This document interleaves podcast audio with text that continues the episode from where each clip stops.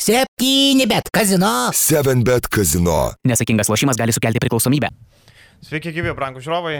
Penktas kelnys, eilinė savaitė, bet e, šiandien tokia šiek tiek neeilinė laida. E, Biliaus nėra ir mes pasikvietėm Rolandą Jarutį. Pirmą kartą pas mus Rolandas. E, pristatinėti nereikia. Geras vyras, gražus vyras, nusipelnęs krepšinį laimėjęs Europos taurę, ar ne, Uliep taurę tuo metu e, ryto buvęs direktorius. Tai šiandien pakalbėsim vat, apie visus reikalus, krepšinio pusfinalius, finalus. Apie pusfinalius gal nebekalbėsim, nebent kažkokia perspektyva, apie fanus. Tai Rolandai, malonu matyti. Sveiki. Malonu, kad Malonu. atėjai. E, manau, kad e, turi ką papasakot. E, išmanai krepšinį, vat, e, visai, ką žinai, labai gerai, kai yra vienas žmogus, kuris e, labai gerai taktiką žino. Va čia labai geras dalykas. Tu, treneris, viską gerai žinai. Tai pradėkim nuo finalo. Vakar pirmasis finalo mūšis ir Siemensė, na ne Siemensė, SG arenui, bet dar norisi Siemensų vadinti. Dar ir vadins kurį laiką, manau, visi Siemensą. 6000 žiūrovų, e, nebloga atmosfera, šiaip buvau vakar pasižiūrėti, atmosfera gera buvo, bet atmosfera gera buvo tol, kol rytoj ėjo kortą, kaip sakant. Ir matėm, rytas pradėjo rungtynės e, 12-0, įspūdinga pradžia. Kaip tu, Rolandai, gal apie pradžią iš karto? Man atrodo, tokių įsidegusių ryto aš dar nemačiau šį, šį sezoną. Jo, rytas nuo pat pirmų minučių turbūt pasiūlė gerą kontaktą, gerą inten- intensyvumą e, gynyboje. E, aišku, kažkiek polimas galbūt e, nefunkcionavo iš Lietkabilio pusės, bet Lietkabilis e, turbūt ir ta startinė sudėtis buvo tokia gan įdomi. Galbūt... Apie Karolį Gedraitį. Apie Karolį Gedraitį, taip, galbūt dėl to, kad, nežinau, e, minutės bandė padalinti kitiems žaidėjams, kad e, turėtų rotacijos rungtynė įgoj, kas e, rungtynių pasako ir pasiteisino pilnai.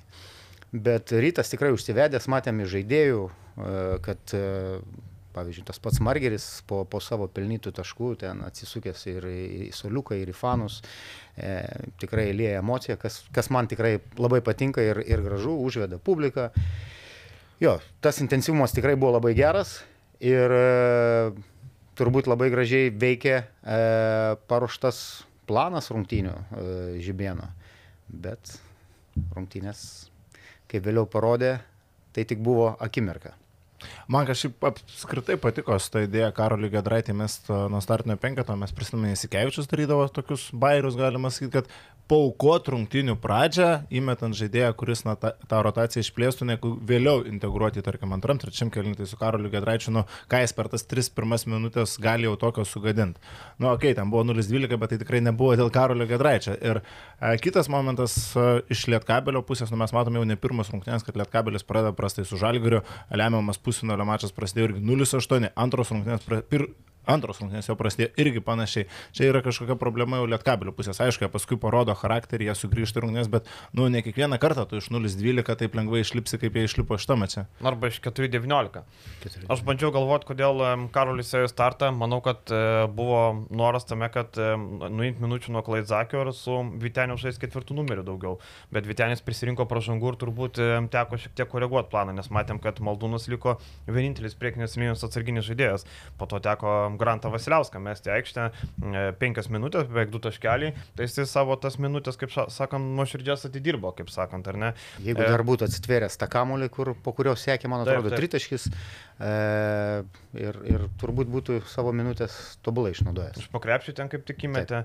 Ir ryto birėjimas prasidėjo su lik atsarginiu pasirodymu, galim taip sakyti. Ir em, Ivanas buvo irgi pasirodė, pradžio lik nieko blogo, bet apie Ivaną buvo galima atskirai turbūt kalbėti. Nežinau, e, tau patinka Rolandai šitas žaidėjas? Aš nekartą buvau minėjęs e, kitose podcastuose dalyvaudamas, kad e, turbūt Žibėnui nėra kaip treneriui ir turbūt ir sporto direktoriui e, Donatui Zavatskui tikrai nėra lengva turėti tokį žaidėją. E, žaidėją Na, sakykime taip, mergaitė. Tai jam nuotaika yra, tai jam nuotaika nėra. Noriu žaidžiu, noriu nežaidžiu, tai aš klausau per minutės per traukėlę, tai aš nusisuku ir demonstratyviai visiems parodau, kad e, man neįdomu, aš čia įsižeidžiau dėl kažko tai. Bet e, vienas statistinis rodiklis e, vakar be ne keletą kartų komentatoriai paminėjo, kad Ivanas buvo tikrai yra aukštos klasės žaidėjas su solidžiu kūnu ir e, mes kalbam daugiau apie polimą. Aš kalbu apie, Taip, daugiau taip. po, apie po, polimą. E, nėra laimėjęs nei vieno titulo.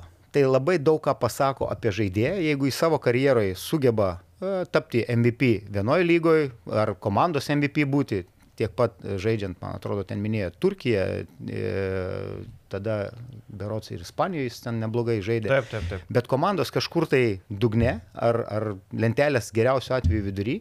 Ir tu, kai tu esi be titulų, e, mes matom net NBA žaidėjai, kodėl jie kooperuojasi į, komandos, į komandas, e, daro kažkokias ten, e, žvaigždžių rinkinį, 2, 3, 2, 3 žvaigždės.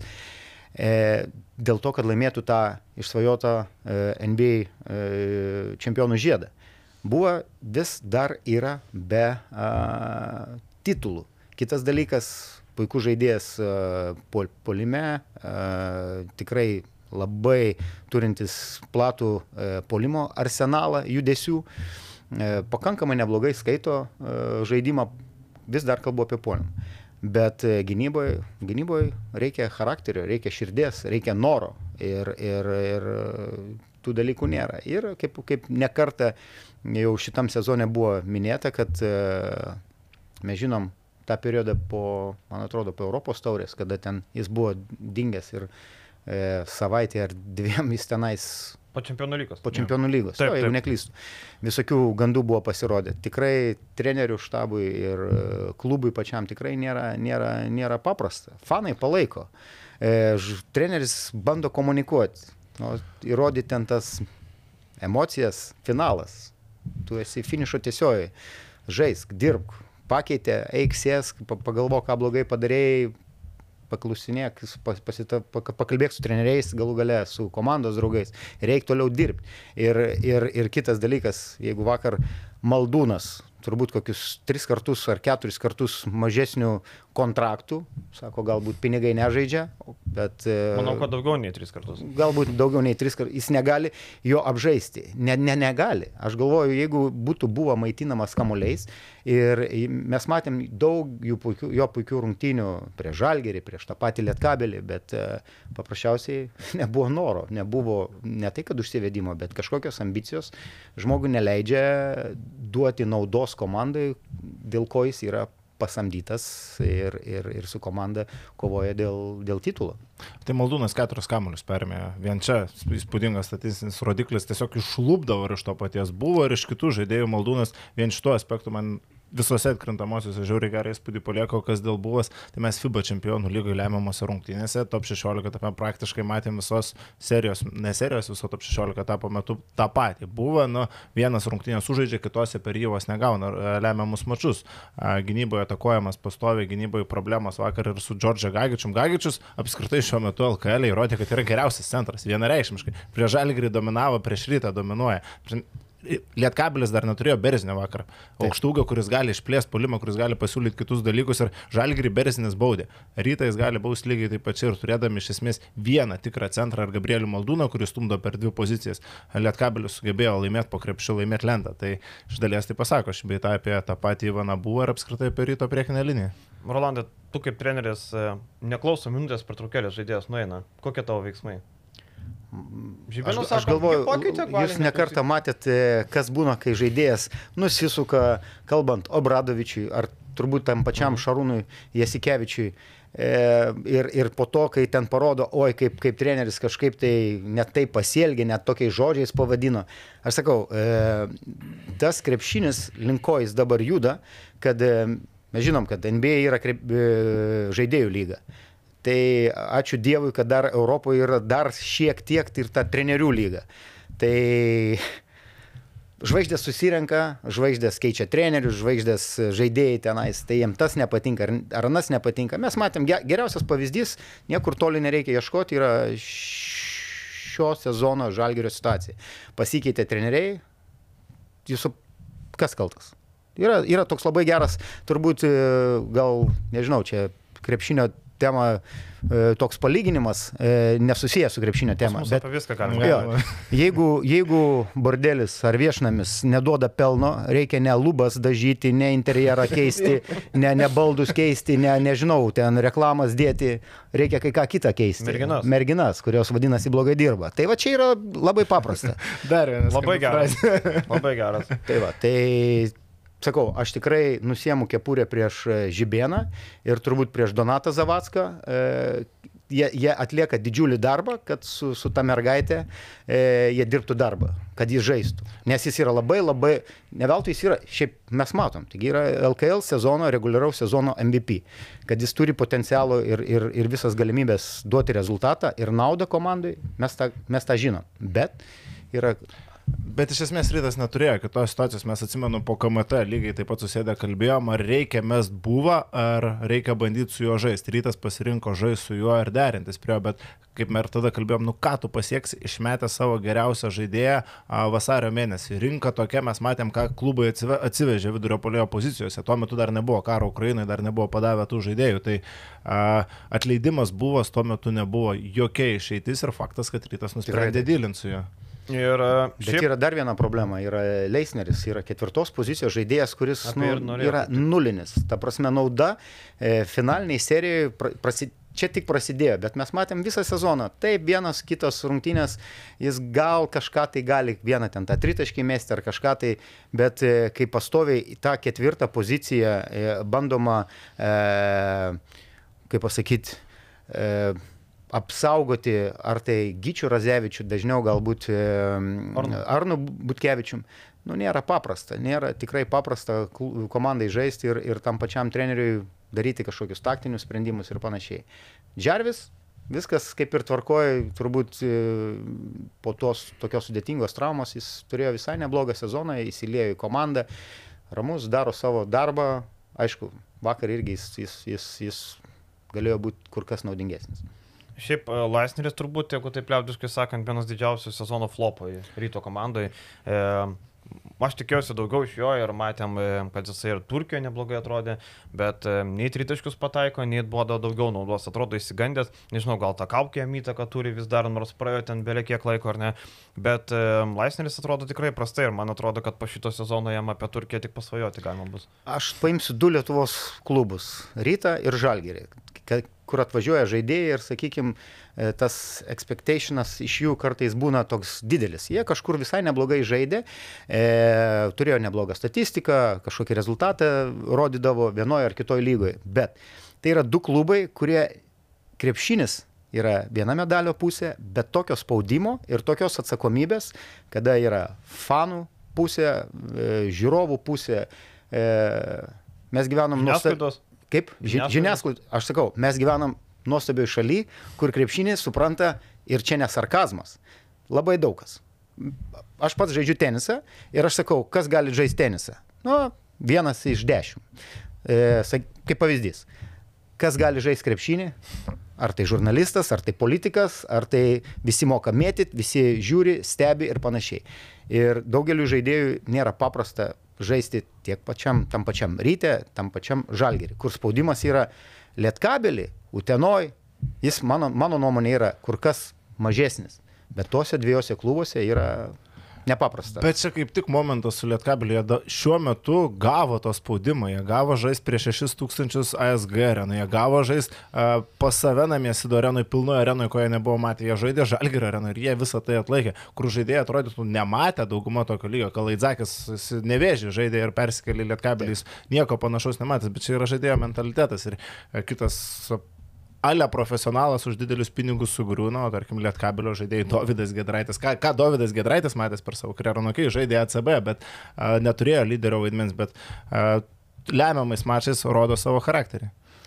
Toliau, žiūrint, e, Lietkabelis, ar ne, e, pasižiūrėjus, e, Rolandai, kaip tu galvoji, iš kur ta tokia ramybė užtikrintumas? Visi stebisi, kad Lietkabelis, na, nelūšta prie tokių, po tokios pradžios 0-12 arba 4-19, na, kitos komandos sunkiai galėtų pasivyti, o jie sugebėjo dar iki pertraukos pasivyti. Aš galvoju, kad e, ta ramybė eina, e, kaip sako, nuo pačios galvos. Jo? E, Alvydą Biliauską puikiai pažįstu, nuostabus žmogus Ir teko netgi kalbėti prieš, prieš, prieš playoffus. Nu, tokia ramybė, kaip, kaip, nežinau, kaip atrodo, čia būtų, aišku, tas turbūt užgrūdintas sezonas e, Europos tauriai. Gan sėkmingas Europos tauriai sezonas. Išeita į karaliaus Finalą. e, finalą Mindaugo taurės. Tai playoffai, prezidentas Ramus, klubo direktorius e, Martinas Purlys matęs ir šilto, ir šalto. Aš galvoju, irgi ra- Daugiausiai tame klube matęs. turbūt daugiausiai, turbūt irgi ramybė spinduliuojantis, nu ir be abejo treneris, kuris, kuris, kuris yra tikrai yra generolas, kuris ramus. Mes matom, kaip, kaip ir minėjai, kad ne, ne, ne, ne pirmą kartą šį sezoną Lietkabelis pradeda rungtynės labai blogai ir netgi iš dviženklio skaičiaus minuso sugeba grįžti rungtynės, per, perlaužti rungtynės ir galų gale pasiekti pergalę. E, tas persidoda ir žaidėjams. Žaidėjai žino savo rolę, ką jie turi daryti. E, Beros ketvirtą sezoną e, Čianakas dirba. Taip, Taip. e, Lietkabelį. Kada, pusės. Nu, jo. Taip. E, Taip yra žaidėjų rotacija kažkokia yra, bet yra e, kiekvienas su savo rolė, ką daryti, ką naudoti ir ta sistema eina iš, iš metų į metus ir tai yra geras pavyzdys, kad treneriai neturėtų būti keičiami dėl e, vieno ar kito žaidėjo, ten kažkokio tai, nežinau, myliu, nemyliu, noriu, nenoriu, net nepatinka tas treneris. Kad nebūtų keičiami dėl vieno ar kito pralaimėjimo, sakykime, treneriai.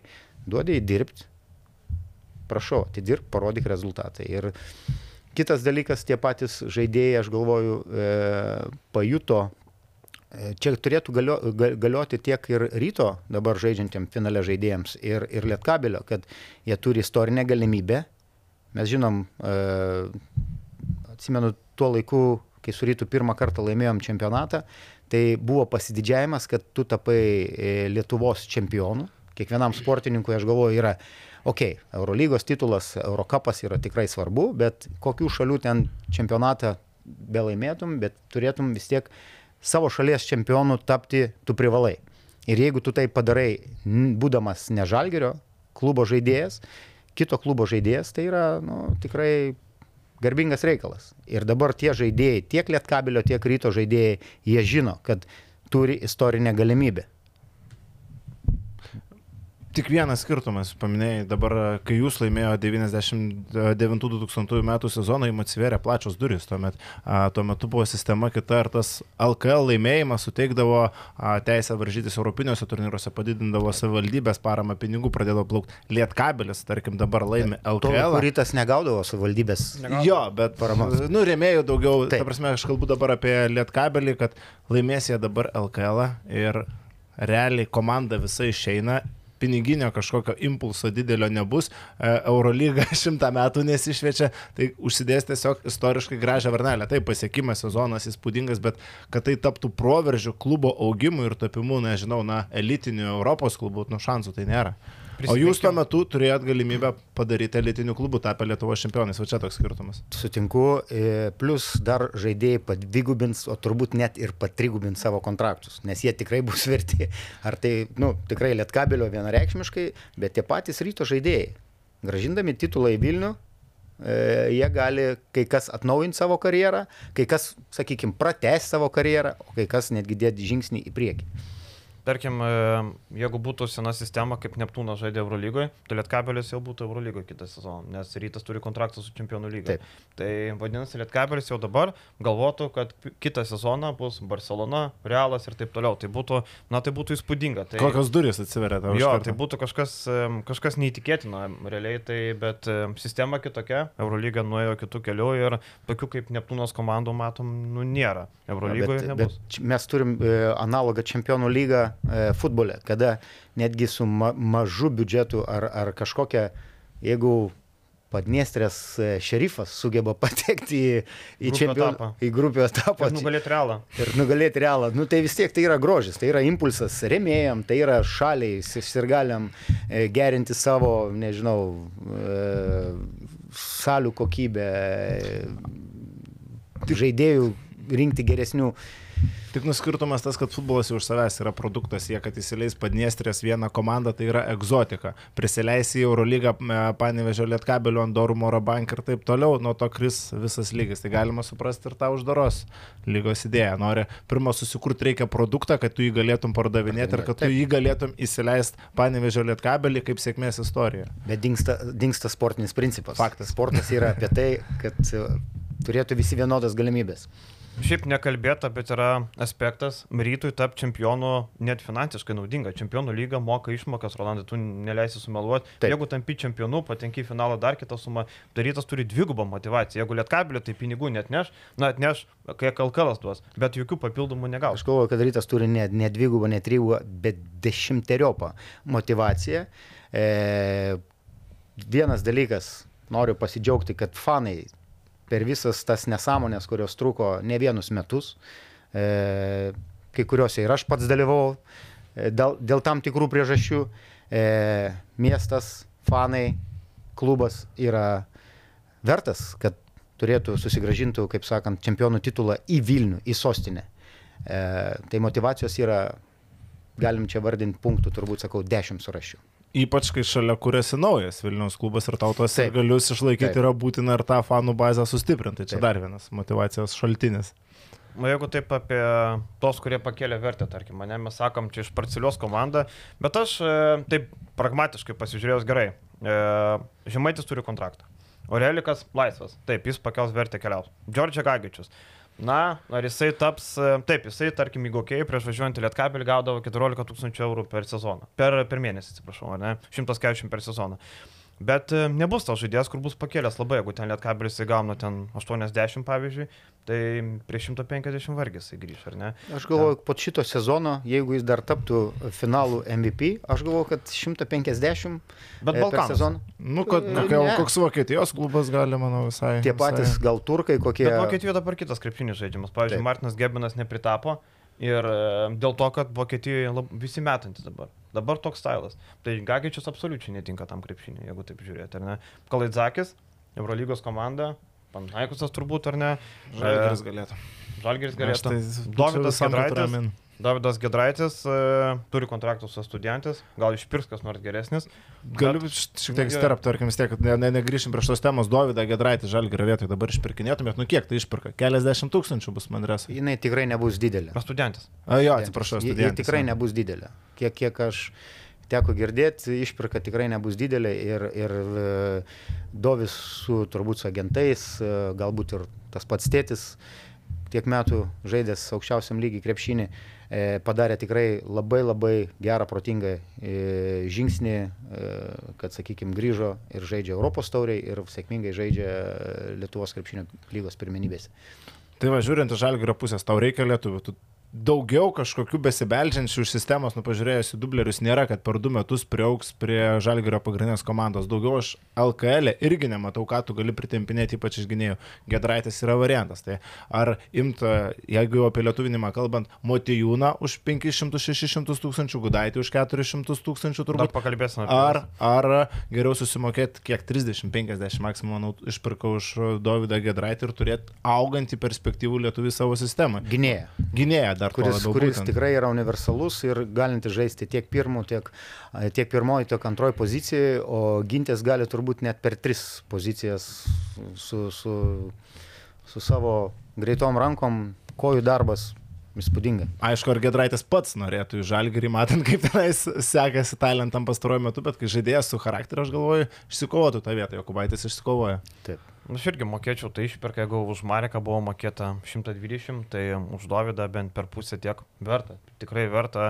Ir tai yra tokia rizika, ku- kur žalgiui 10 milijonų biudžete, ten 60 tūkstančių, tai yra, kaip sakant, siemkės, ar ne? Tai aš mokėčiau už Dovydą tą sumą ir kodėlgi ne. Ir šiaip čia jau vėl einam. Tada reikia siūsti lauk, e, Milaknius, Lukošiūnus. Nu, nebus nieko iš jų. Nebus iš to Lukošiūno gero žalgerio žaidėjo. Kad ir kaip tu jį myli, bet nu, nebus iš jo žaidėjo žalgeriui. Pritariu, Rolandai. Aš, aš, aš pritariu, kad, kad e, simpatijai Lukošiūno, tai yra mano akademijos auklėtinis, aš tris, beveik keturis metus direktoriavau Šarūno Marčiulionio krepšinio akademijai.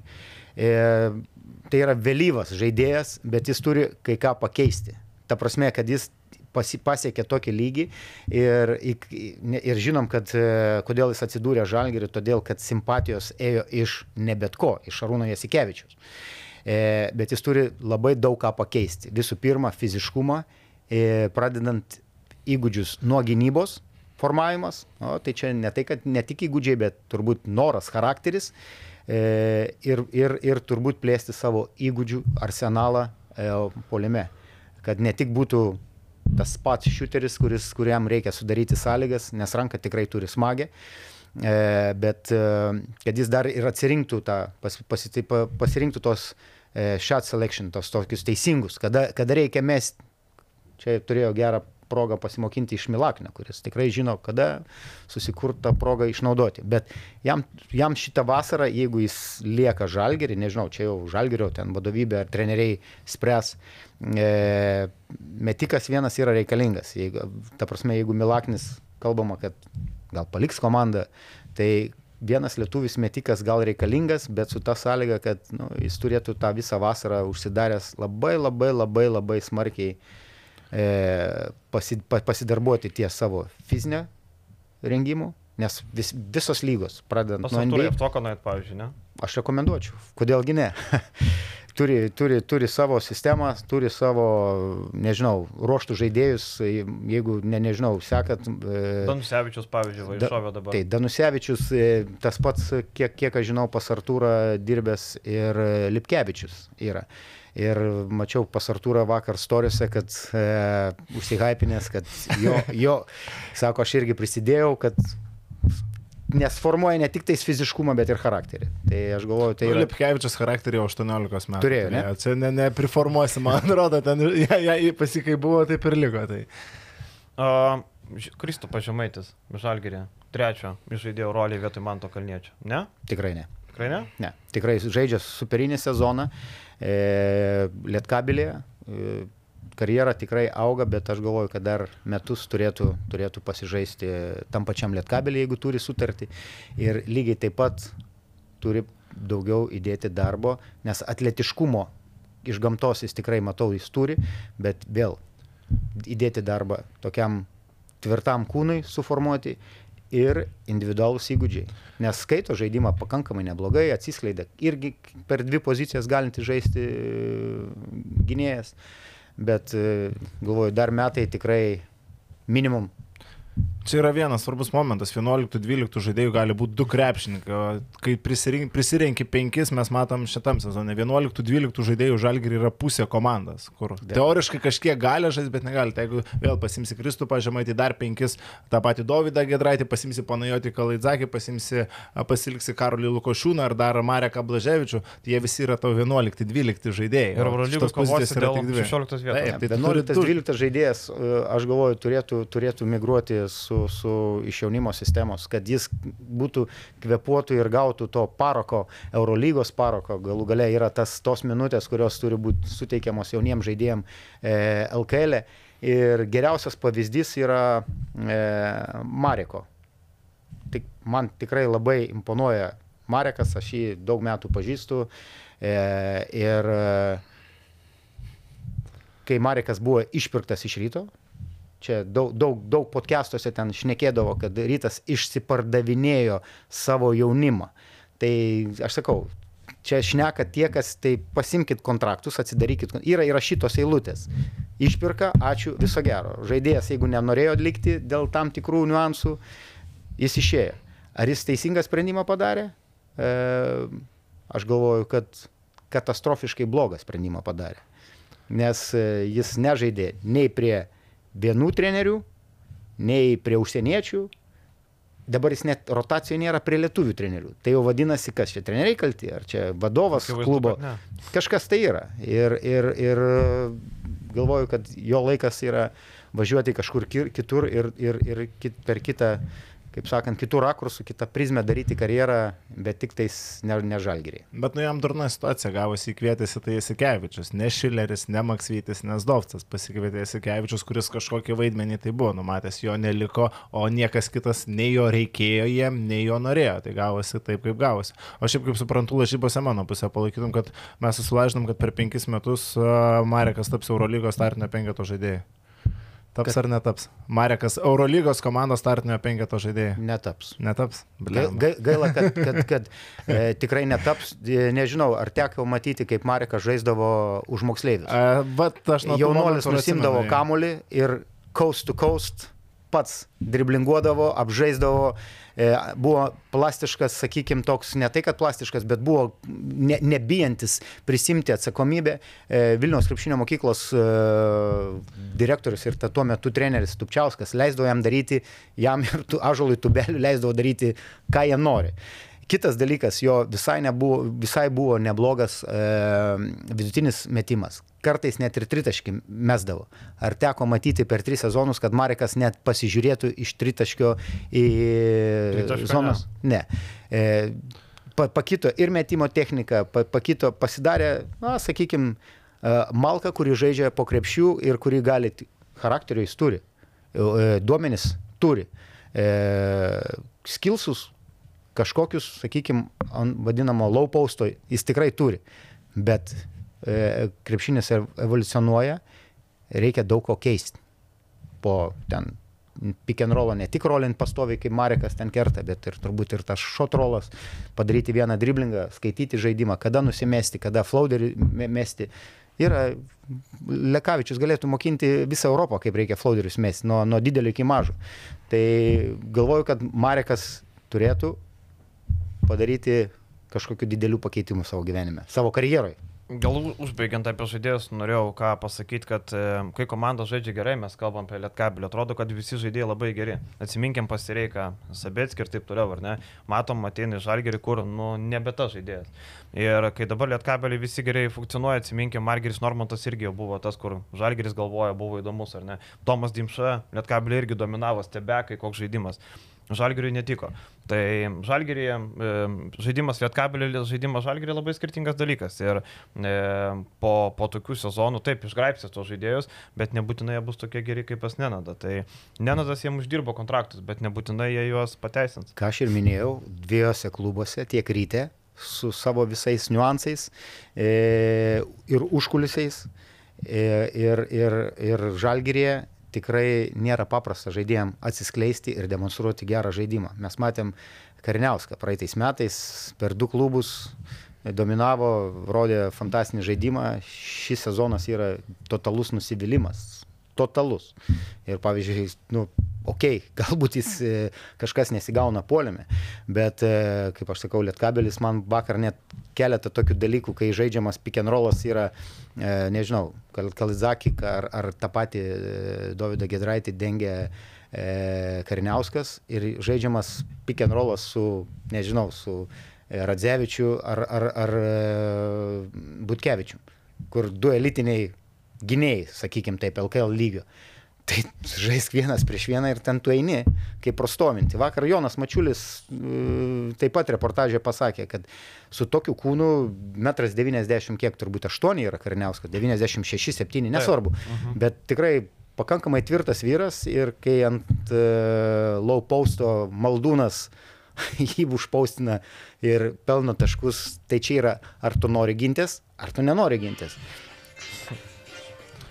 Tęsiant, e, gerai, apibendrinant e, pirmą mačą jau pakalbėjom, laukia antras, ko laukiam antrosiuose? 2-0 ar manot, kad rytas gali lyginti? Nenurašyčiau aš tikrai ryto šitoje serijoje, ta prasme Lietkabelis man kaip ir buvo prieš ją, taip ir lieka favoritas, bet čia sausos serijos nebus. Nežinau, ar panevežėjau išlygins rytas, bet aš matyčiau tiek seriją 4-2 Lietkabelio, gal net 4-3. Greičiausiai 4-2, nes užsidaryti Vilniui 5 ir 7 rungtynėse būtų sunku, tai realiau, kad panevežėjai ir 4-2. Panevežį bus labai sudėtinga laimėti. Aš galvoju, kad e, vakar e, buvo paminėjot, kad, kad 6000 žiūrovų. Taip. Tai, tai, tai, tai sako, kad gerai, aš tai galvoju, kad tai yra labai blogai. Nes e, ASG arena talpina 10-11, jeigu neklystu. Taip. Tai kodėl negalėjo būti 9? E, kodėl? Ryta žaidžia Su finale. žalgiriu būtų. Bet koks skirtumas? Aš čia mes turbūt grįšim prie, ar ateisim iki temos dėl, dėl fanų. E, viskas tvarkoja, bet tribūna, aš mačiau, kaip aktyviai dirbo tuo klausimu ir kaip, kaip kvietė e, fanus prisijungti ir, ir, ir stebėti rungtynės. Viskas tvarkoja, jie savo darbą padarė dešimtukui, bet dar yra kokios 3-4 tūkstančiai vietų neužpildyta. Tai pažiūrėsim, kaip bus panevežį, jeigu panevežį surinks kiek 6-7 tenais talpina. šešis Manau, kokius šešis tikrai surinks, gal net daugiau. Turbūt kas, kas tikrai yra įmanoma, tai no, bus, bus labai sudėtinga rytui laimėti išvykoje. E, aišku, e, Lietkabelis turi problemų mm, ketvirtoje pozicijoje, ketvirtoje, jeigu Biržinis nežais. Lipkevičius matėm vakar. Taipuoja koja, skaudantis Gagičius su, su Radišvičiu. Visą sezoną šlupčia e, Radišvičius, Gagičius, okei, okay, po, po pusfinalio rungtynių. Nu ir pažiūrėsim, ką, kokį atsaką padarys rytas e, į šitą pirmą pralaimėjimą, nes aikštelės susigražinimas yra labai svarbus, nes 2-0.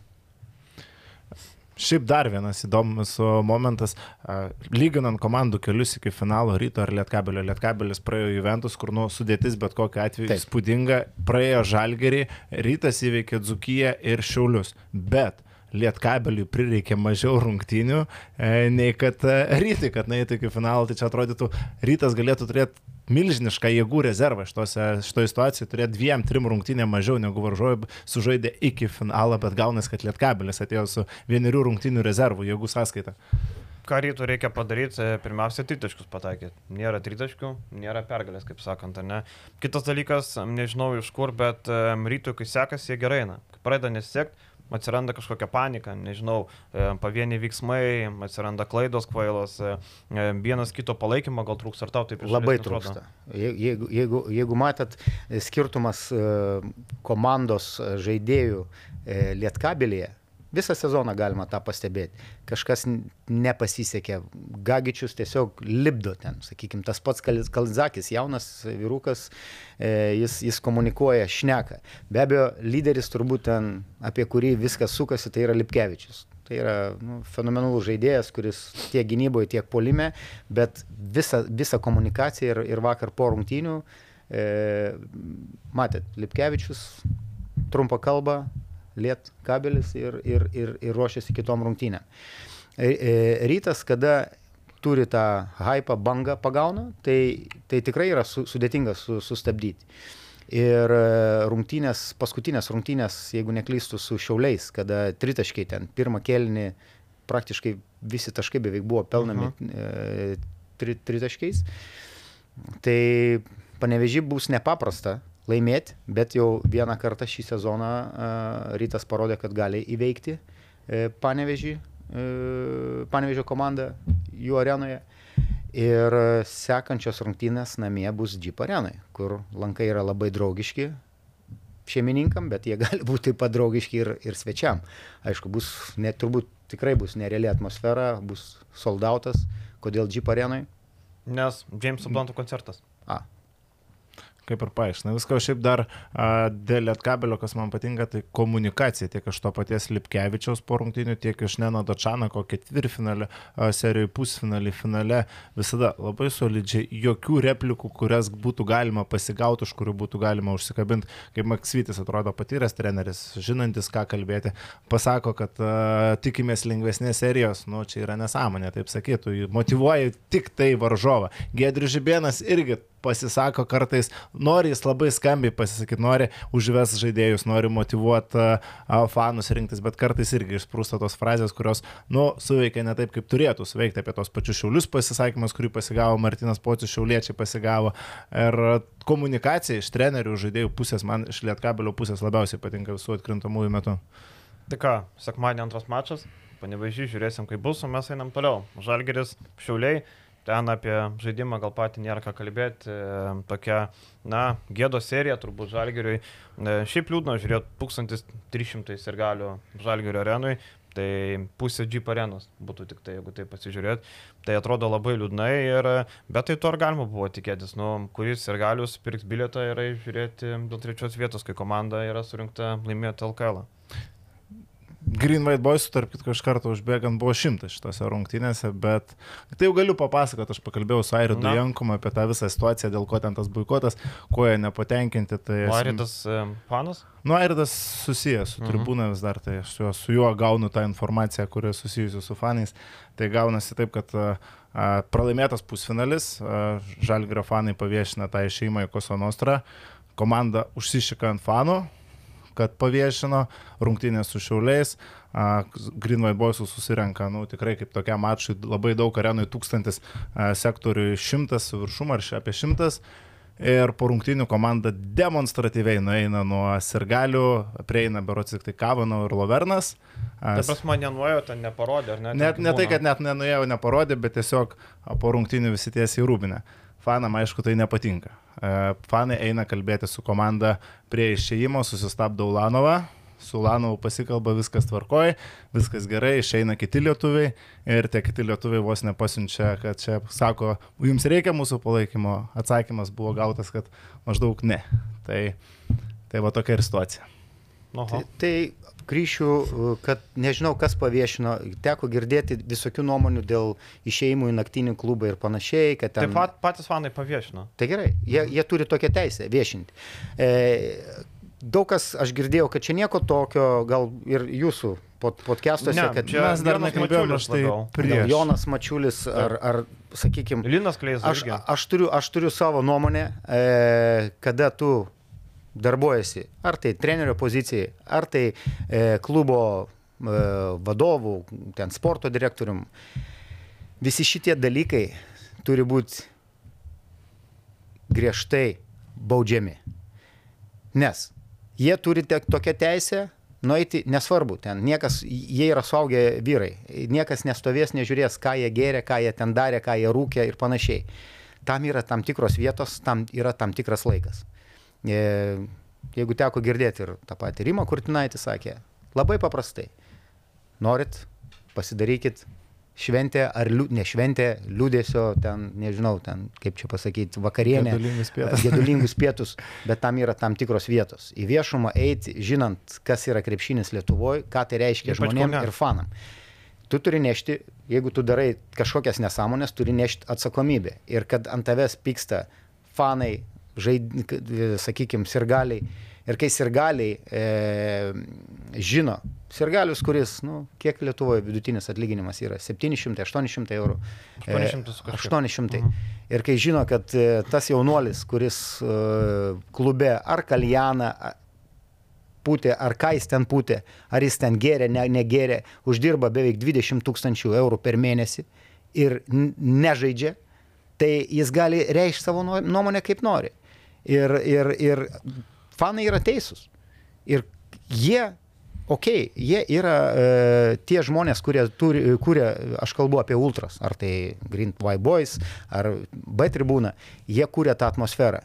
Ir e, imu ryto pavyzdį.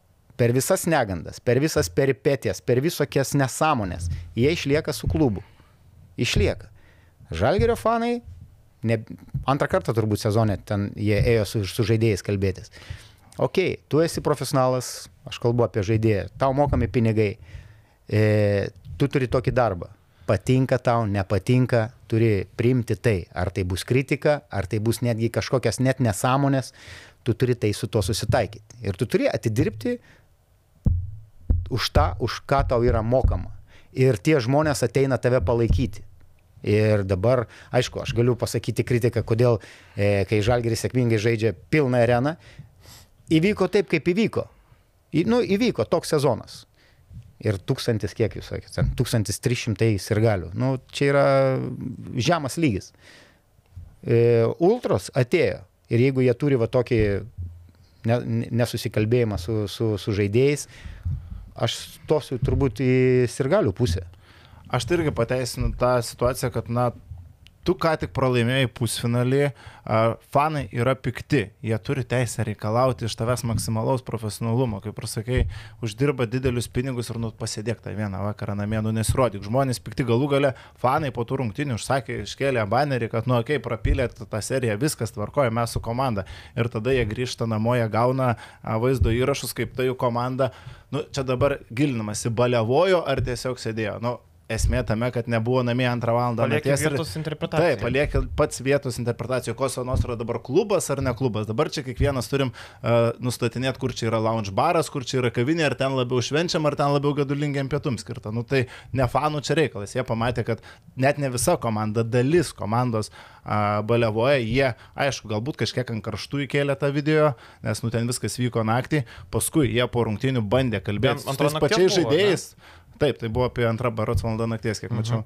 Paskui jie bando kalbėti su tais žaidėjais, gauna iš tų žaidėjų tokį atsaką, kad, nu, jūs mums nereikalingi. Tai natūralu, kad nori kažkokių sprendimų. Man atrodo, kad kiekvienam, vat, ką Rolandas sako, man atrodo, kiekvienam darbe yra situacija, kur tu turi daryti tai, kas tau nepatinka. Ne? Pavyzdžiui, tau gal nepatinka bendrauti su kažkokiu ten HR žmogumu, ar ne, tu turi su juo šnekėti arba kaip tai- taip toliau. Tai kaip ir sakai, tu turi na, būti profesionalas, atidirbti, nesvarbu, būna situacija visų darbe, kad turi bendrauti su žmonėms, su kuriais gal nenori bendrauti. Tai čia irgi tokia įdomi situacija. O šiaip dėl to man trūksta žalgerio komunikacijos iki galo, kokios baudos kiek davė. Ar tai piniginės, ar įspėjimai, ar kažkas. Na, Žalgris nieko tą. Bet tu paklausai, kas ar ne? Tu paklausai. Ne, Jonas. Nu, paklausė, nesvarbu, jo, konferencijų buvo, ar buvo baudos, sako, taip, jie nubausti, bet kokios baudos, kodėl mes to nežinom. Tai apie tą viešumas, viešumas duoda labai daug pliusų, mano nuomonė. Tada iš karto yra uždaroma ta terpė, kur ten gandam, visokiem, visokiem po stalo žaidimam ir panašiai. Čia, kur dalyvauja agentai ir, ir, ir, ir, ir panašiai. Jeigu teko matyti, FIBA jau keičia agentų žaidėjų bendradarbiavimą. Mhm. Tai aš galvoju, kad turėtų, nežinau, gal čia aš pasakysiu visišką nesąmonę. E, čia neliečia NBA, ten yra kitas pasaulis, ten yra kitas lygis. Kalbant apie e, žaidėjų ir klubo santyki, galbūt pagaliau ateis toks metas, kada ne tik klubas neš atsakomybę. Žaidėjas susitraumavo, žaidėjui yra viskas išmokama, garantuoti kontraktai, panašiai, tada ten darybų objektas, nusitraukti, sutartį nenusitraukti. Mes matom, kad Šireris po šiai dienai turbūt e, sėdi ant vadinamo kontrakto ir, ir nėra galimybių turbūt nutraukti tą kontraktą. Bet e, turbūt pasikeis ir sutarčių, čia turbūt reikia teisinės bazės kažkokios, kad ne tik e, ten treneris ne, neduoda rezultato e, ir atleidžiamas, bet jeigu žaidėjas nustatyti pagal, sakykime, statistiką, pagal dabar, kai tiek yra analizių, jūs kaip žurnalistai darot podcastus, analizuojat, žiūrit, yra labai nesudėtinga padaryti, nustatyti žaidėjo indėlį visoje sezono eigoje, vienuose rungtynėse. Ir jeigu tu, kaip, kaip ten daug kas sako, ai, galbūt jau žaidėjas šiandien su lagaminai sėdi e, pakeliui ar uoste Ten tenai. duše paliko. jau Tai kūną. viskas yra labai pa- paprasta. Yra finansinės sąlygos, įnešami punktai, kad tu netidirbai, tai tu ir negauni. O kad jeigu tu turi dabar yra, tu turi garantuotą kontraktą. Ar tu laimėsi tą trečią vietą duotuoju momentu kaip žalgeris, ar nelaimėsi, koks jau skirtumas. Tu žinai, kad tavo banko eilutėje ta suma vis tiek įkris. Tai aš galvoju, kad ateis, turi ateiti laikas, kada šitie dalykai turi keistis. Kad žaidėjai taip pat turi nešti atsakomybę už e, nepasiektą rezultatą. Už, nesu, už nesuteiktą paslaugą galų gale. Jeigu tu perki paslaugą, tu parduodi Bet tai paslaugą. kaip tai turi atrodyti, kad, tarkim, Janio Strelniko kontraktas, tu turi įrašyti statistiką, kokią jis turi rodyti, nes tada lieka labai daug vietos interpretacijom. E, Galbūt statistika, galbūt komandos bendrą rezultatą, kad būtų stimulas siekti. Jeigu nežaidži finalę, Jeigu tu, nubraukiam kažką. taip, Nu, LKL nepati- trečia vieta turėtų būti Taip, į tu nepatekai su komanda, okei, okay, negauni ten tam tikro, tam tikro, nežinau, bonus ar tai kažkokio kontrakto e, dalies, sakykime, nes ir, ir, užduotis yra neįvykdyta. Tikslai iškelti yra neįvykdyti. Tai, tai kodėl tu turi gauti šimtaprocentinį atlyginimą? Dabar aš čia stoviu į klubo pusę. Na, šiaip žaidėjai pas mus dar vieno dalyko nesupranta, jie nesupranta, kad fanai, dabar, jau kalbu ne apie ultrų sektorius apskritai, apie tą visą fanų bazę, apie visą areną, apie visus, kurie žiūri prie televizoriaus, nėra jų asmeniniai fanai, jie nėra aktoriai, jie nėra dainininkai, jie nėra influenceriai. Fanai yra klubo fanai ir kaip tu atstovauji tą klubą, kurį jie myli, taip jie tave ir palaiko. Čia yra esminis momentas, jie nėra Mareko Blaževičiaus, Pauliaus Jankūno ar Tajos Websterio fanai, jie yra Žalgrio fanai. Websteris perės į rytą, perės į kitą komandą, jis bus priešas. Arba bus tiesiog nebeįdomus. Tu esi tiek įdomus ir gali, kiek tu atstovauji jo komandai. Kūno fanų gal Pa, yra. pa, Ne, Jankūno, nu, kai čia pa, skirtinė situacija. paantrinsiu ir labai sutiksiu, e, kas liečia faną ir klubą. Vakar, vakaro interviu Luka Modričiaus, kuris aiškiai pasakė, nepasielgsiu taip kaip Mbappé, kur, kur sakykime, kaip ten, man atrodo, lap, e, Barcelonos prezidentas pasakė Laporta. Laporta, kad e, pinigų vergai. Taip. Luka Modričius. Paprasta frazė. Nei vienas žaidėjas negali būti didesnis nei klubas. Viskas. Yra viskas apie klubą. Aš suprantu, kad e, žaidėjai yra labai svarbus. Jos reikia palaikyti, jos reikia apglėpti ten ir, ir pamiluoti ten, nežinau, ta prasme, kad ir to dėmesio, kad jiems sąlygos būtų. Nes jie, į juos ateina žiūrėti e, žiūrovai. Tai jie yra to, kaip pasakyti, spektaklio pagrindiniai artistai. Bet kai ateina žmonės palaiko, ar tu, kaip pasakyti, ar tu laimi, ar tu pralaimi, ir jie vis tiek, kalbu ypač apie ultras, ateina tave palaikyti, o tu turi atiduoti savo duoklę. Patinka, nepatinka, blogas rezultatas neš tą kryžių, bet e, susitaikyk su tuom, kad ne tik būsi garbinamas ir šlovinamas. Bet šiaip prie tavęs, kiek prisimenu, ir buvo tas lūžis ryto ir B tribūno santykiuose, kad na, iš blogų santykių jie pavirto į gana gerus, ar klystu?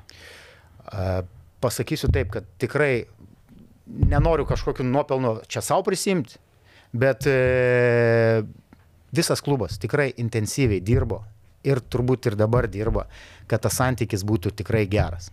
E, iš savo pusės aš prašydavau fanų, kad nevartotų keiksmažodžių ir ten, ten nebūtų tos agresijos. Viską kitką, kaip jie serga, man yra gražu. Aš sąžininkai pasakysiu, jeigu su, atitinka visus saugumo reikalavimus, galbūt ir vieną kitą tą fakelą po rungtynių, kad, sakykime, žinau, kad būdavo ten kibirai su, vandeniu, su vandeniu ir panašiai.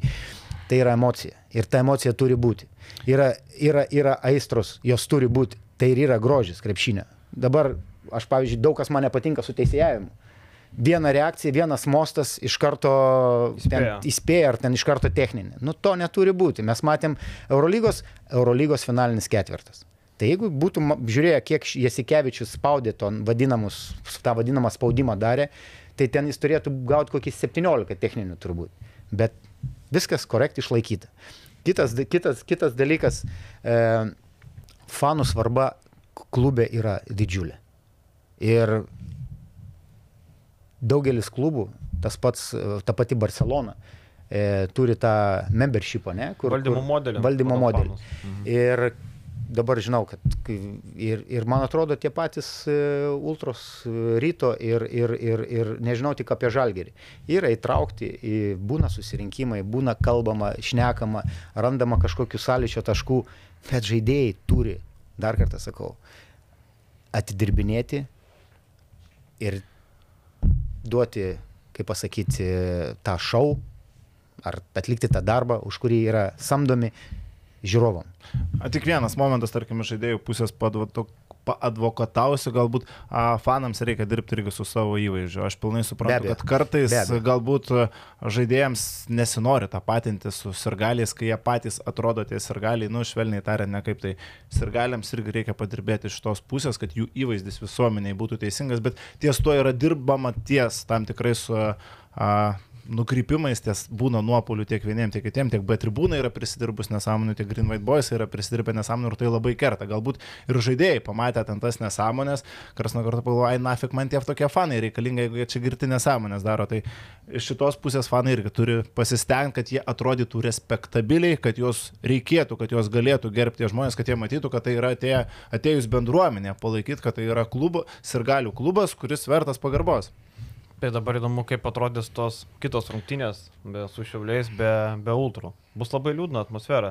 E, gal tik pataisys faktas tas, kad e, jeigu, tarkim, Žalgeris e, laimi rytoj prieš šiaulius 2-0, tai Žalgerio arenui gali būti paskutinis Jankūnų pasirodymas. Tai gal tai pritrauks šiek tiek daugiau sirgalių, bet e, bendrai, nu, Žalgeris iš esmės per šitą sezoną sugriovė labai daug ką, ką buvo pristatęs. Pasižiūrėkit, e, įvaizdis, e, Motejūno didybė griuvo, dabar dar ir fanai nusisuka. Aš-. Tai čia per vieną sezoną labai daug blogų dalykų. Šiaip čia vienas, kiek kalbėjau, iš tikslų ir yra, kad parodyti, kiek liūdna yra arenai be palaikymo. Maždaug jūs pamatykite, ant kiek yra blogai. Bet kitas dalykas. Tai šito rodyti nereikia. Mes turėjom pandemiją. Tai buvo katastrofa. Tai, tai va, man- dar, dar kartą bus galima pamatyti. Ir e, tik kiek žinau, galbūt ten kiek paskubėjo jie su to pranešimu, berot šiandien eina kalbėti su Ulanovu, dar ten su kažkuo iš komandos ir spręstis tuos vidinius. Tai vadinasi santykius. labai gerai. Protingi žmonės visada turi susėsti, diskutuoti, išsikalbėti, galų gale išsikolioti, jeigu reikia. Pasiųsti vienas- Taip, pasiūsti vienas kitą, bet e, vardan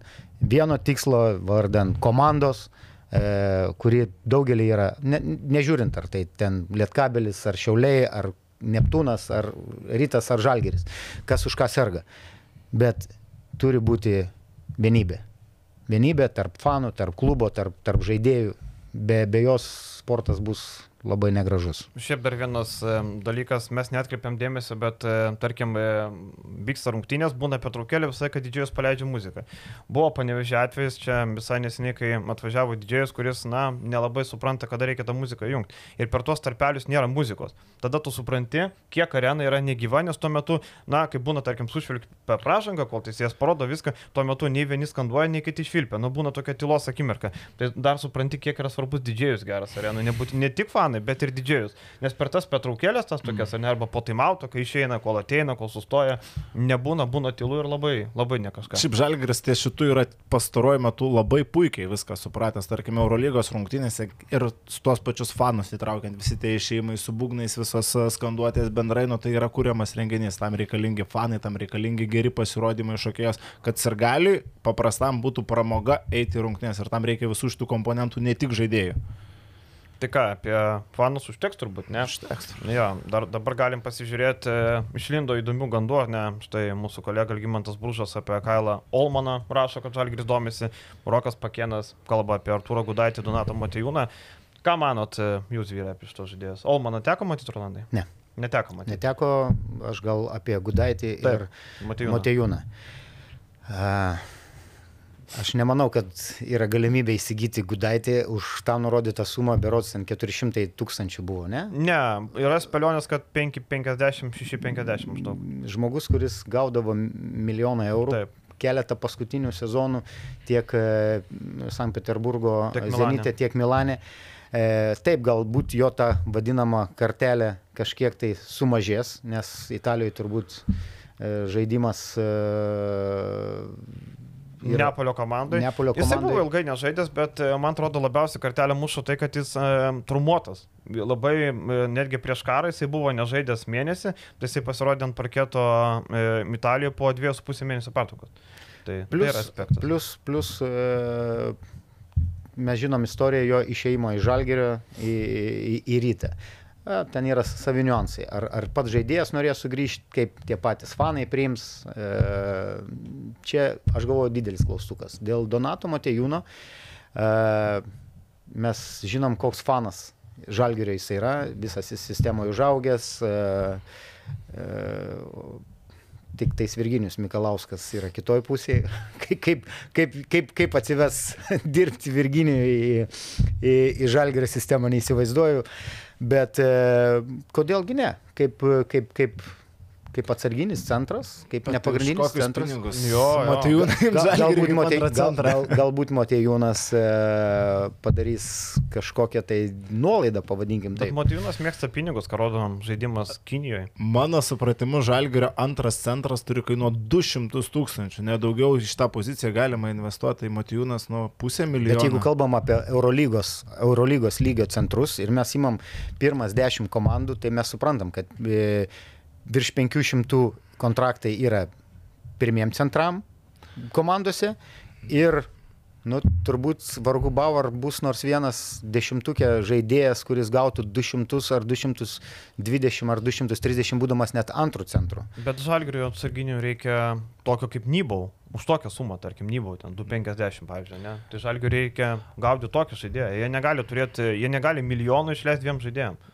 Ir dar centro linijos. pozicijos. Priekinės linijos. Tarkim, PG ir SG milijonas, pagrindiniai du, Taip. viskas tvarkoja, bet Dar dabar... per mažai. Į, dar galbūt kaip ir skai per mažai, bet į centro poziciją investuoti milijoną, nu, tai jau turim Loverną, ar jis daro įtaką tokią, būdamas centru. Aš įsivaizduoju, kad tarkim prie gero žaidėjo galbūt Lovernas būtų visiškai kitoks žaidėjas, bet esmė, kad reikia investuoti visų pirma į gerai kuriantį žaidėją ir tada prie jo atsiskleis geriau aukštaugiai. Aš tai, pavyzdžiui, dėl Matejūno labai abejoju. Mm, 600 Monakė ar ne? Ir Matejūnas, ten aišku, girdisi gandų, kad Monakas labai daug pinigų moka kitais būdais, nes ten, ką skelbia oficialiai alga, yra dažniausiai mažiausia, nes Prancūzijoje labai kitais maistpinigai ir taip toliau, nes mokesčiai labai dideli. Taip, tai... Ypač Monakė mokesčiai, man atrodo, Taip, dar. žvėriški Monakė mokesčiai, tai e, ta suma gali aukti iki 800, pavyzdžiui, ar ne? Tai šiaip Matejūnas Žalgiriui žaidėjas, kuris labai pažeidžiamas gynybai, kaip pagrindinis centras, nemanau. Ne, tikrai, kaip pagrindinis tikrai ne. Atsarginis per brangus, o Gudaitis, man patinka Gudaitis. Gudaitis yra geras Eurolygos centras, bet em, 600 per daug. Tarkim, tu gali nusipirkti Gudaitį iš AliExpreso Keilę Batarčevskį už dvigubai mažesnę kainą. Tai yra, jo kaina dabar stipriai kritusi ir rinkoje jo agentai jį pardavinėja dabar už 500 šiuo metu. 450-500.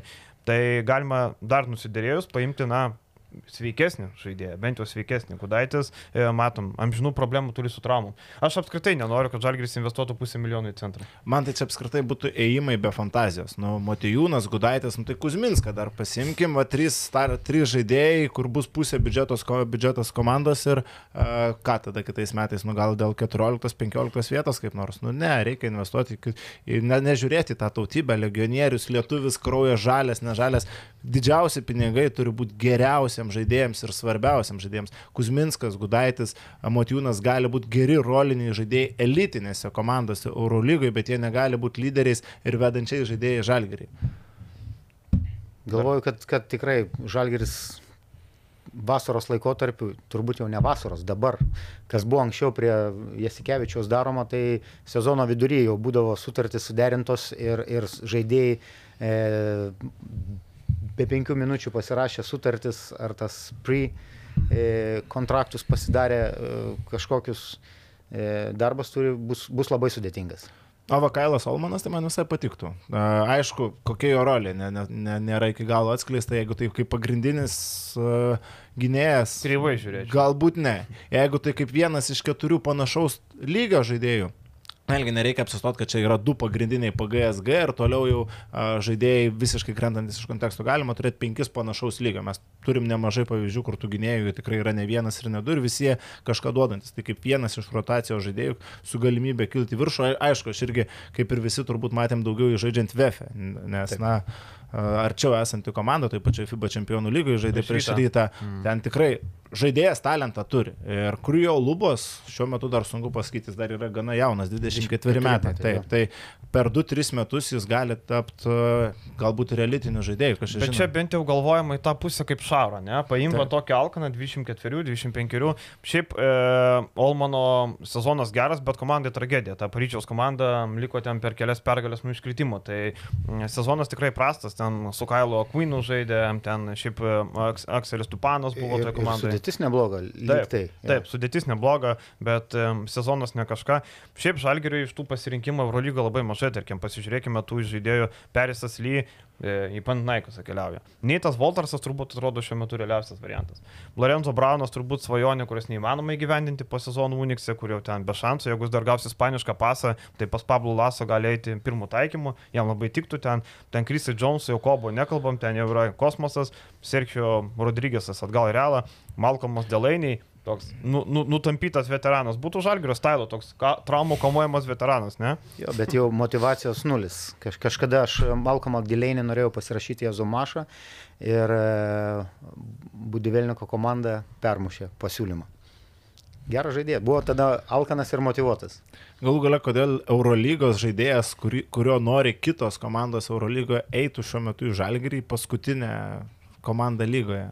Prasme, Žalgiris jau vos net dabar turi permokėti žaidėjams, kad nukonkuruotų. Bet- Bet, Ar nebent tai yra žaidėjas norintis kilti viršų ir norintis turėti gerą statistiką Taip, Žalgirį. Žalgeris pas, per keletą paskutinių sezonų, ypač prie Šarūno Jasikevičių, mes matom, kas, kas įvyko su žaidėjais. Kainos, kontraktai, karjeros, gal, galima vardinti nuo Misičiaus, e, Brendono Daviso, Heinzas, Pangos. Pangosas, Pangosas. tai, nu, kito, kito lyg, ly, lygio žaidėjai tapo. Tai Žalgeris, net, netgi prie šito sezono e, aš labai daug kartų kritikavau Nybo ir man jis nepatinka, nors jo elitinis fiziškumas ir, ir šitas žaidėjas gali tur, ir turbūt gal ir taps elitiniu žaidėju, bet taip kaip jis žaidė, aš kalbu apie šitą sezoną, kiek motivacijos, kiek jis patobulėjo, aš galvoju, kažkoks žingsnį į priekį žengė, bet didžiausią žingsnį turbūt žengė pasirašydamas su Miško Ražnatovičiu, kuris jam atnešė ant stalo tą milijoninį kontraktą. E, jo laukia labai daug, daug, daug, daug darbo e, kaip žaidėjo, bet e, kada, kaip aš sakiau, Palaciosas jam ten 40 naudingumo su, su, su, sukišo, po to Gagičius, ką norėjo, tą darė.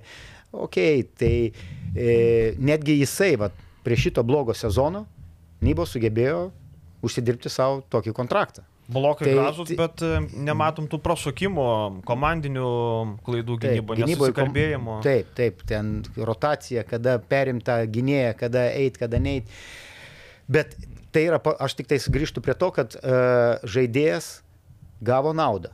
Ir Žalgeris yra geras pavyzdys, kad šitam klube žaidėjai atėję gali pasinaudoti klubų kaip uh, tramplinų e, kilti viršų. Bet tai mes ir kalbam apie tos 24-23 Taip. metų žaidėjus greičiausiai žemesnio lygio, bet aš turėjau minti, kad tarkim perimti iš kitos Eurolygos komandos jau įrodžiusi vertę savo žaidėją, kuris turėjo neblogą sezoną kitoje ekipoje, nu, Žalgris nelabai turi argumentų. Galima gal kažką surasti tiek iš to pačio Eurocapo ar Čempionų lygos, sakykime, tų tokių atsiskleidučių, ats, ats, augančių, atsiskleidusių žaidėjų, kurie, kurie yra, turi ir motivacijos, neturi, kas yra tikrai prie šiandien dienos fiziškumo, neturi kažkokios, e, žiau, kažkokio žiauraus sąrašo lygų istorijos, ten traumų istorijos, sakykime taip. Tai turi, turi žalgerio skautai padirbėti, treneriai, skautai, nežinau, kas ten komplektuos komandą. Turi būti jau padirbėta turbūt. Jau turi būti dirbama, padirbėta. taip, taip. Matome Eurolygoje, kaip e, viskas greit pasikeitė, buvo tylų, tylų, finalinis ketvirtas po jo ir pasipylė dylai. Tarkim, e, Barcelona, Janui Veseliai, 1,8 milijono. Kaip greit rado pamainą Brendonui Deivisui, labai greitai. Toliau Oskaras Dasilva, labai arti, bet Rolando Šmito, e, darbinis, žaidėjas, jaunesnis, alkanesnis. Čia toks įdomus šiaip ėjimas, matom, Šmitas šiaip visai neblogai savo rolę atliko to tokio, e, na, tokio muštuko žaidėjo, tokio ariančio parketą, matom vis tiek įkeičia ar ne. Bet įdomiausia Eurolygoje, kad pagaliau Jordi Bertomeo pasitraukė 22 metai. Kai kurie mūsų klausytojai gal net nebuvo gimę, bet e, Jordi Bertomeo jau buvo Eurolygoje ir dabar jį pakeis turbūt e, Dėjanas Bodiroga. Šiaip serbas, daugam nepatinka serbai ir taip toliau, bet žiūri, nežiūrint jo pasą, politinį statusą ir taip toliau, Bodiroga labai gerbiamas Europai. Vakar klausė kelių žmonių, ką gali pasakyti apie Bodirogą. Diplomatas, protingas žmogus, išlaikytas. Koks buvo aikštelė? Turbūt toks yra ir už aikštelės ribų. Macijauską reikėtų paklausti, ką apie Badirogą pasakytų. Ten Danilovičius. Ai, jo, sorry, Danilovičius, mano, mano klaida, jo. Apie, Bodiroga, apie. Bodirogą daugiausiai. Galim paklausti ir apie Bodirogą. Jasikevičius. Man atrodo, kartu jie žaidė. Man taip, Sezoną Barcelona. jie laimėjo Eurolygą, jeigu neklystu, tai, taip, tai taip, tą taip. sezoną. E, Aš galvoju, kad bus geras impulsas ir geras e, toks postumis e, visai Eurolygos organizacijai. Be abejo, atsiras dvi e, Balkanų komandos, garantuotai. Na, viena liks, kita ateis. kita ateis, jo. Mhm. Tai, bet, bet tikrai žmogus su, su dideliu autoritetu, su krepšinio aukštu IQ. Ir jeigu dar ir kaip uh, vadybininkas, kaip ad, žmogus, kuris gali administruoti ir, ir, ir vesti Eurolygą į kitą lygmenį, nes pakeitimų tikrai reikia šitai organizacijai, tai galima vertinti kaip didelį pliusą. Aš tik labai tikiuosi, nu, kalbant iš tos pusės, kad tai nebus Akstinas ar postumis CSK grįžti į Eurolygą. Bet e, kaip ir išreiškimas abejonės, e, dėl CSK ten praktiškai ieškoma būdų, kaip juos pašalinti, turbūt teks susimesti tuos 10 milijonų ir išmokėti kažkokiu būdu. Turbūt e, kito kelio nebus. Arba bus labai ilgas teisminis procesas. Aišku, ne, nebus taip, kad Tai- kitą dieną Vatutinui Tai, pervės lai, 10 tai milijonų. lai, lai trunka tas ilgas e, teisminis procesas e, 2, 3, 5, 10 metų. Lai trunka. Lai, jie- lai jie tenais ir bastosi po tos teismus. Kokia šalis, kokie klubai, kokie žmonės, su jais taip reikia elgtis. Jo, ir šiaip Bodiroga, manau, pirmas darbas yra su FIBA surasti sprendimą dėl tų langų. Niekam nepatinka, nei tie, kurie žaidžia, nei tie, kurie nežaidžia. E, aišku, tos langus panaikinti labai sudėtinga bus. Manau, kad jie liks, bet reikia rasti tarpą, kad galėtų sužaisti ir Eurolygos žaidėjai, Taip. ir e, NBA, na, ne, net važiuos ten su jais nesusitarsi, bet bent Eurolygos žaidėjai reikia rasti tą laiką, kuris būtų visiems patogus. Nors šiaip bus labai sudėtinga jį rasti, nes Eurolygos tvarkaraštis Tvarkaraštis labai įtemptas. Jo. Jo, ir tie, bet matėm, šį sezoną buvo daugiau tų dvigubų savaičių, na, neoficialių, kai buvo nukeltų mačų. Tai jeigu, tarkime, dar kažkur pridėjus, matėm, komandos gali susitvarkyti su tuo. Tai gal kažkaip, bet e, Bodiroga šiaip turėtų, na, bent jau pravaikytą ispanišką ofisą. Nu, tinginių gvardija ten kokių retų šiaip. Bet dėl tų dvigubų savaičių, taip dabar prisiminus, kiek nepatenkintų buvo Eurolygos trenerių, Sikevičius vos ne kiekvienoje spaudos konferencijoje kalbėjo, kad tvarkaraštis yra košmariškas. Ko Tai- patenkintas? Turint, Nu, tai. turint kokį 18 žaidėjų rotaciją. Vėl, Aukš, aukščiausio lygio. Ok, keturis ten gal iš jaunimo sistemos, bet e, 14 žaidėjų rotacijoje, kada tau, ok, traumos, ten ir traumuoti žaidėjai, bet, bet sudėtis tikrai įspūdinga. Ne, nes šiaip e, apie Šarą kalbant, tai Laporto žodžiai tokie sukėlė dviejonių. Sako, pažiūrėsim, kaip čia Ispanijos lyga, kaip čia kas. Tai man kažkaip atrodo, kad Barcelona gali...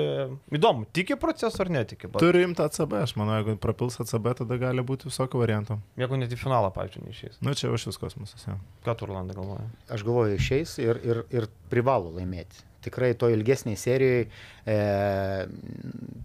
iki trijų pergalių, man atrodo, Taip, žaidžiama. taip, Tenais yra Ispanijoje. Nei viena komanda Ispanijoje neturi jokių šansų prieš Šarūno Jasikevičiaus Barceloną. Jokių. Pusfinalis su Madrido Realu tai yra istorija, tai yra vienos rungtynės. E, Man tie finaliniai ketvirtai, taip, tai yra didžiulis spaudimas, tai yra grožis, sakykime taip, jis ga, gali būti taikomas NCAA, bet e, man, man e, a, galbūt net ir NKL būtų įdomiau turbūt, e, kad būtų serija, nes gaunasi taip tokia tikrai neteisybė. Barcelona kiek investavo? 40 milijonų. Taip. Apie. Taip. Tu žaidži 9 mėnesius. Visas procesas vyksta. Per tos 9 mėnesius išgyveni ir up and down, ir, ir, ir visokių ten emocijų ir panašiai. Ir po to ateini, tu galų galę ateini į finalinį ketvirtą, kur yra vienas rungtynės. Ok, jeigu geras, tu, tu laimėsi, bet man finalinis ketvirtas, tos vienos rungtynės, pusfinalis, finalas, jis neatspindi e, to tikrojo pajėgumo galbūt. Barcelona du metus išėlės e, la- laimi reguliarųjį sezoną. Tu dirbi visą reguliarųjį sezoną. Ir šiemet e, su visa pagarba a, Anadolo Efes iš šeštos vietos, e, nu, nežinau.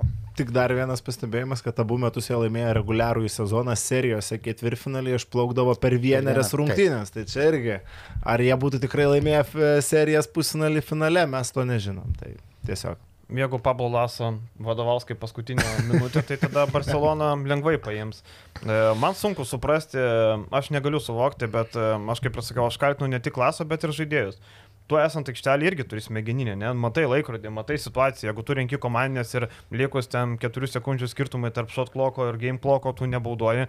Na tai Adamas Hanga turėtų pirmasis, jis buvo arčiausiai, jis turėjo pats pirmas pabauduoti. Ir ką, ką būtų, jeigu Lasas sako nebaudotų, pabaudoji ką, tau į užpakalį spiris atleis. Nu ne, turbūt būtų Laso padėkojęs, sakytų ačiū, kad tu padarėjai, nes man kažkoks proto aptemimas. O asistentai, Rolandai, ką asistentai? Kokia jų funkcija tada iš vis? L, sakai, Žiū- Žiūrint, kas yra asistentam leidžiama, yra, yra skirtingi vyr treneriai. Yra vyr treneriai, sakykime, kurie leidžia savo asistentam ir, ir, ir, ir imtis iniciatyvos kažkiek tai, E, bet rungtynių metu yra vyr treneris, yra vyr treneris. Treniruočio procese yra tikrai daug nuostabių trenerių, vyr trenerių, kurie tikrai duoda daug, daug, daug laisvės e, asistentam ir, ir pasitikė, sakykime, darbo kažkokiu tai baru, darbo frontu tokį suteikia didelį, bet e, vyr treneris rungtynių metu yra vyr treneris.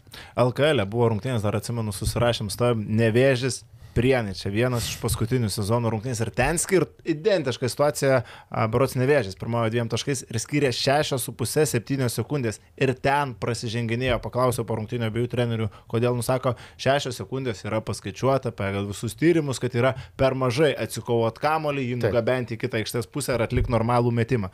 Tai jeigu Gediminas Petrauskas Virginijus Šeškus žino, kad yra paskaičiuota moksliškai, kad neužtenka 6,5 sekundžių, nes man komentuojant atsimenu irgi atrodė, kad gali 6,5 sekundės kaip ir ok atakai padaryti. Abu treneriai pasakė, kad ne kaip Pablo Laso nežino, kad 4 sekundžių neužtenka padaryti normaliai atakai. Man čia buvo kosmosas. O klausyk, Orlandai, tu pats vyr treneris, ko tu, tarkim, norėdavai iš asistento? Pavyzdžiui, vakar e, kur asistentai buvo, kai Butkevičius tris prašangas turėjo.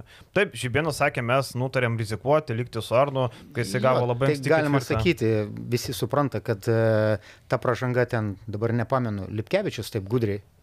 Kalaidzakis. Kal- Kal- Kalaidzakis. Taip, taip. Čia kaip aš auklėtiniam akademijoje sakydavau, yra turbūt, nereikia toli žiūrėti, yra keletą žaidėjų, iš kurių galima imti. Gecevičius, pavyzdžiui. Gecevičius yra numeris vienas. Čia jam nėra lygių, darant šitą judesį, įveliant savo rankas į e, gynėjo rankas. Jeigu jo ranko žemai, tu Taip. keli ranką. Taip, Viskas. taip, apsukė, sakykim taip. Ir žinant, kad Arnas tikrai su aukštu IQ yra krepšininkas ir tikrai pat žinojo, kad yra e, trys, e, turi jau tris pražangas, uh -huh. jis net kažkaip tai bandė netgi gal išvengti ten tos pražangos. Bet likus berots gauta net minutė 50 kažkas tai sekundžių, jeigu neklystų. Taip, ten antro kelnio pabaiga. Antrą buvo. kelnį. Nu, tokiu atveju žaidėjas su trim pražangom tikrai turėtų būti ant suolo, plus Arnas yra vedantis žaidėjas. Tos dvi minutės ant suolo ir įskaitant ir pertrauką, tai dar yra ir jo atsistatymo laikotarpis ir, ir, ir sakykime, pasiruošimas e, trečiam, ketvirtam ten kelniam. O dar čia buvo trys e, pražangos. Nu, Plus e, rytas turi nuo suolo variantų. Muliackas neblogai. Uleckas, tarkim, jo. taip, Bet taip. gerai, e, čia nu- nukrypimas apie asistentus. Ko, tarkim, tau reikėjo iš asistentų rungtinių metu? Rungtinių metų as- asistentas turi, sakykime, tu vis tiek, kad viską sukontroliuoti yra tikrai, tikrai, tikrai sudėtinga.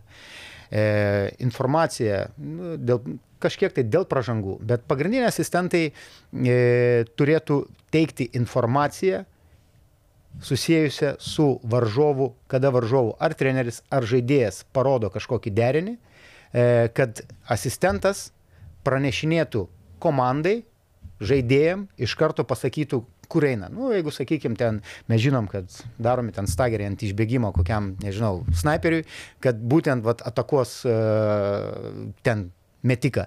Ar žino, kad, kad bus žaidimas ant low posto, kaip mes, jeigu sutarėm, kaip ginamės, kad iš karto paruoštų, kad iš karto žaidėjai grįžta į gynybą, kad jie jau gautų informaciją, parodant derinį. Tai čia yra, nu, turbūt pagrindinis dalykas, ko iš asistentų uh, aš prašydavau. Ir, e, tarkim, e, kad to- stebėtų varžovo pusę, trenerių, trenerių štabą ar e, tos pačius žaidėjus, gal daugiau žaidėjus, ką rodo, ką organizuoja, pradedant nuo gynybos. Mačiau, kudrybą, nežinau, ar pastebėjot, Gedrius Žibėnas kartais po švarku slepia, ką rodo. Pakelia matošą ir po švarku Ne, slepia. geras. Vėl, kelis kartus pastebėjau, kad po švarku bando paslėpti. Tai būna, kad treneris nusisuka nuo varžovo, jeigu soliukas tenais, nusisuka į žaidėjų ir parodo, ką, ką žaidžiam. Bet e, jeigu vakar teko matyti, e, dabar galvoju, Karniauskas darė, e, kada metamos baudos, jau iš trenerio gauna komanda ir jis apėjo vieną žaidėją, antrą, trečią, ketvirtą priejo, ką, ką darys polėme. Nes nu, dabar, kai tiek kamerų, kai viskas yra išskautinta, išnarpliota po kauliuką, e, tai tikrai reikia kažką bandyti ir nuslėpti, ir, ir kad ne, varžovas nepamatytų. Pašarą, pavyzdžiui, apskritai negalima būdavo rodyti derinių. E, ten pasikolų nėra, viskas sakoma iš lūpų į lūpas, rėkiant, perdodant taip toliau, tai ten nepamatysi, kad rodo kažką žaidžiam. Atsimenu tokią e, juokingą, berots Povilas Čiukinas būdavo žaidėjas, kur atsivaro į žaidėjas, rodo derinį, visi stovėdamas baudos aikštelį irgi iškelia ranką, rodo, ką žaidžiam. Tai skautė labai mėgo šitą dalyką, nes, sako, net centras parodo, ką žaidžia. Nes kartais tu nematai, gal kamera neužfiksuoja ar kažką, bet kai centras dar parodo, tai viskas ok. Visiems yra aišku tada. Jo, tada ir savi ir svetimi žino, kas yra kaip. Na ir pabaigai, Rolandai, apie tavo vienas prieš vieną lygą norėjom pakalbėti. Turėjo tokį pilotinį turnyrą, ar ne? Taip. E, papasakok, kaip viskas vyko ir e, girdėjau, kad tobulinsi taisyklės dar, ar ne? Truputį jo, kad būtų daugiau intensyvumo. Labai e, puikiai renginys pavyko. E, turėjom keturias kovas, įtraukėm ir vaikus, ir merginas. Ir turbūt geriausia kova buvo tarp vadinamų trenerių, kur tikrai buvo geriausias intensyvumas.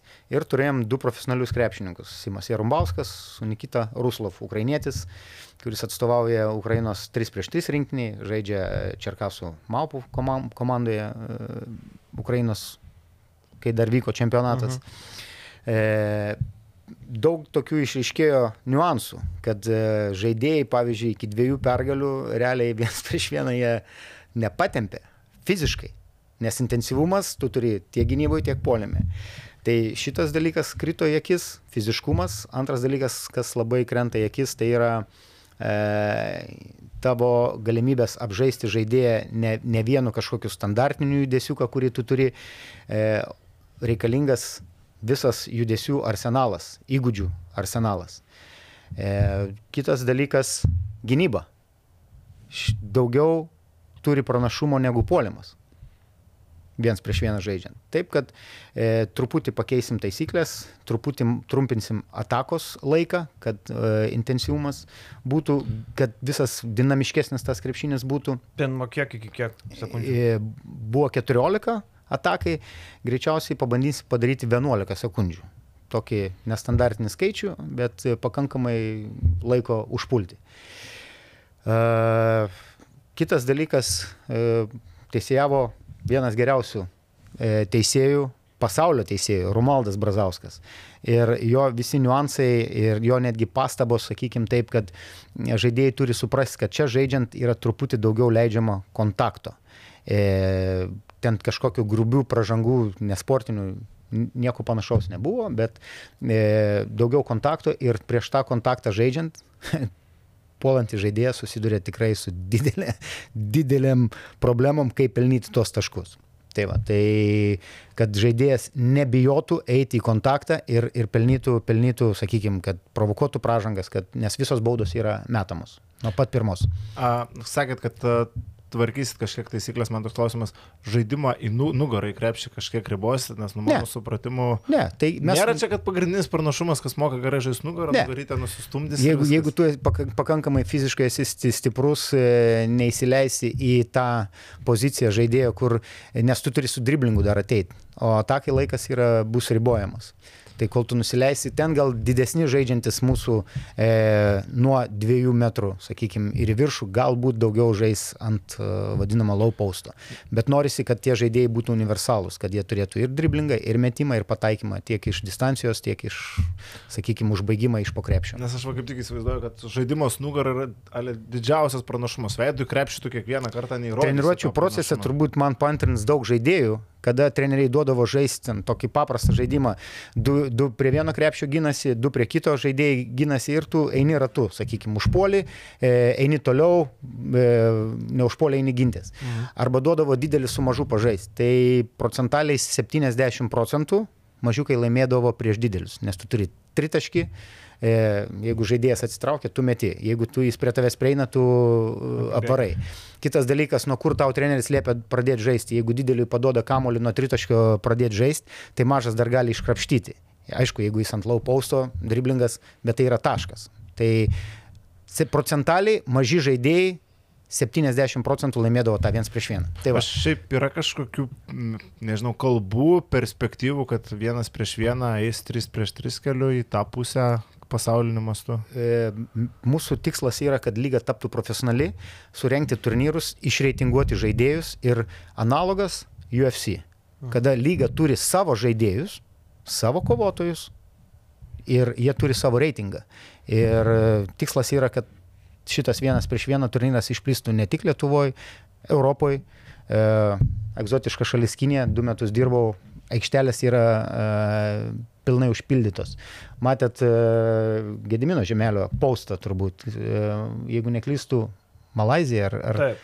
krepšinis e, pirmą sporto šaka numeris vienas krepšinis, numeris du sporto šaka krepšinis, numeris trys yra šalių, kur Tai krepšinis žaidėjų iš ten turbūt. žaidimai, platforma yra sukurta, sakau, tobulėti fiziškai, psichologiškai ir individualiai. O Simas Jarumbauskas, e, kaip jam sekės, girdėjau, kad e, jo tas fiziškumas, LKL patirtis e, parodė lygį, ar ne? Sėkmingai sužaidė, ne, tikrai negalvojam, kad e, turi platesnį kur kas judesių arsenalą polėme, negu teko matyti LKL. -e. Sėkmingai jis laimėjo tūkstantį kriptos. Tai dabar, kada jūsų turnyrai, kur bus, kaip E, viskas vyks? prasidėjo registracija e, į, į turnyrą. Turnyras e, planuojamas yra e, Liepos pabaigoje per penkis Lietuvos miestus ir finalinis etapas Vilniuje. Tai visa informacija ABC viens prieš vieną lygą. Viens prieš vieną lygoje, e, mūsų internetiniam puslapyje, taip pat e, Instagramas, Facebookas. E, stebėkite, jungitės, dalyvaukite ir laimėkite. Tai žodžiu, labai gerai. Vasara lauko aikštelėse bus. Taip, mes taip, taip. gali- Planuojame, planuojame daryti, e, turim pakvietimą iš e, Friend Fest festivalio suorganizuoti keturias kovas tarp šau žvaigždžių, tarp e, šau žvaigždžių ir, ir profesionalių krepšininkų, ką mes, ką mes ir ruošiamės daryti. Bet e, tikrai e, galiu net pasižadėti, kad tarp žurnalistų pabandysim įsiaiškinti, jums tik reikia ateiti ir sudalyvauti. Viską kitką mes Kleizerių organi- žurnalistas skaitosi ar ne? A, nu, jeigu, e, aš galvoju, kad taip, kodėlgi ne, bet, bet jam nebūtų ly- lygių turbūt jau pasaulinių. Todėl ir klausiu. Tai va, taip, kad Žinai, tiek žurnalistai, tiek politikai, tiek šau žvaigždės ir, ir sakau, nuo mėgėjų iki profesionalų. liuks, tai e, sekit informaciją, dar būtinai e, iki Liepos yra laiko, dar pakalbėsim apie tai irgi. Tai ką, šiandien pradėjo, kiek čia daug laiko, pastaros valandėlės prabėgo. Labai ačiū Rolandui, kad apsilankė. Ačiū Jums. Tikiuosi dar ateis, nepasididžiuos. E, labai smagu buvo išgirsti, žinai, tokią profesionalią pusę, kai žmogus mato ne kaip mes, mėgėjai, o vat, kai žmogus tame lygiai ir žaidės, ir dirbės, ir taip toliau. Mes jau čia savose sultise kartais tą patį per tą patį reikia šviežių minčių. Bet nenustokit daryti tą, ką darot, nes tai yra gera informacija, naudinga informacija. E, aš asmeniškai nepraleidžiu praktiškai per visus portalus, galiu prareklamuoti jūs, aišku, bet tikrai stebiu, žiūriu, tikrai yra įdomu, nes e, e, žmonės turi savo nuomonę, mato įvairiais kampais, buvę žaidėjai, tiek žurnalistai, jūs domitės ten, sakykime, daugiau gal ir statistika, ir visais niuansais. Plus turit geros informacijos iš insaido, kas yra labai vertinga. Tai ką, ačiū visiems žiūrovam, pasimatom po savaitės. Iki. Visą. Viso. Septyni bet. 7bet kazino. Septyni bet. 7bet kazino. Septyni bet. Dalyvavimas azartiniuose lošimuose gali sukelti priklausomybę.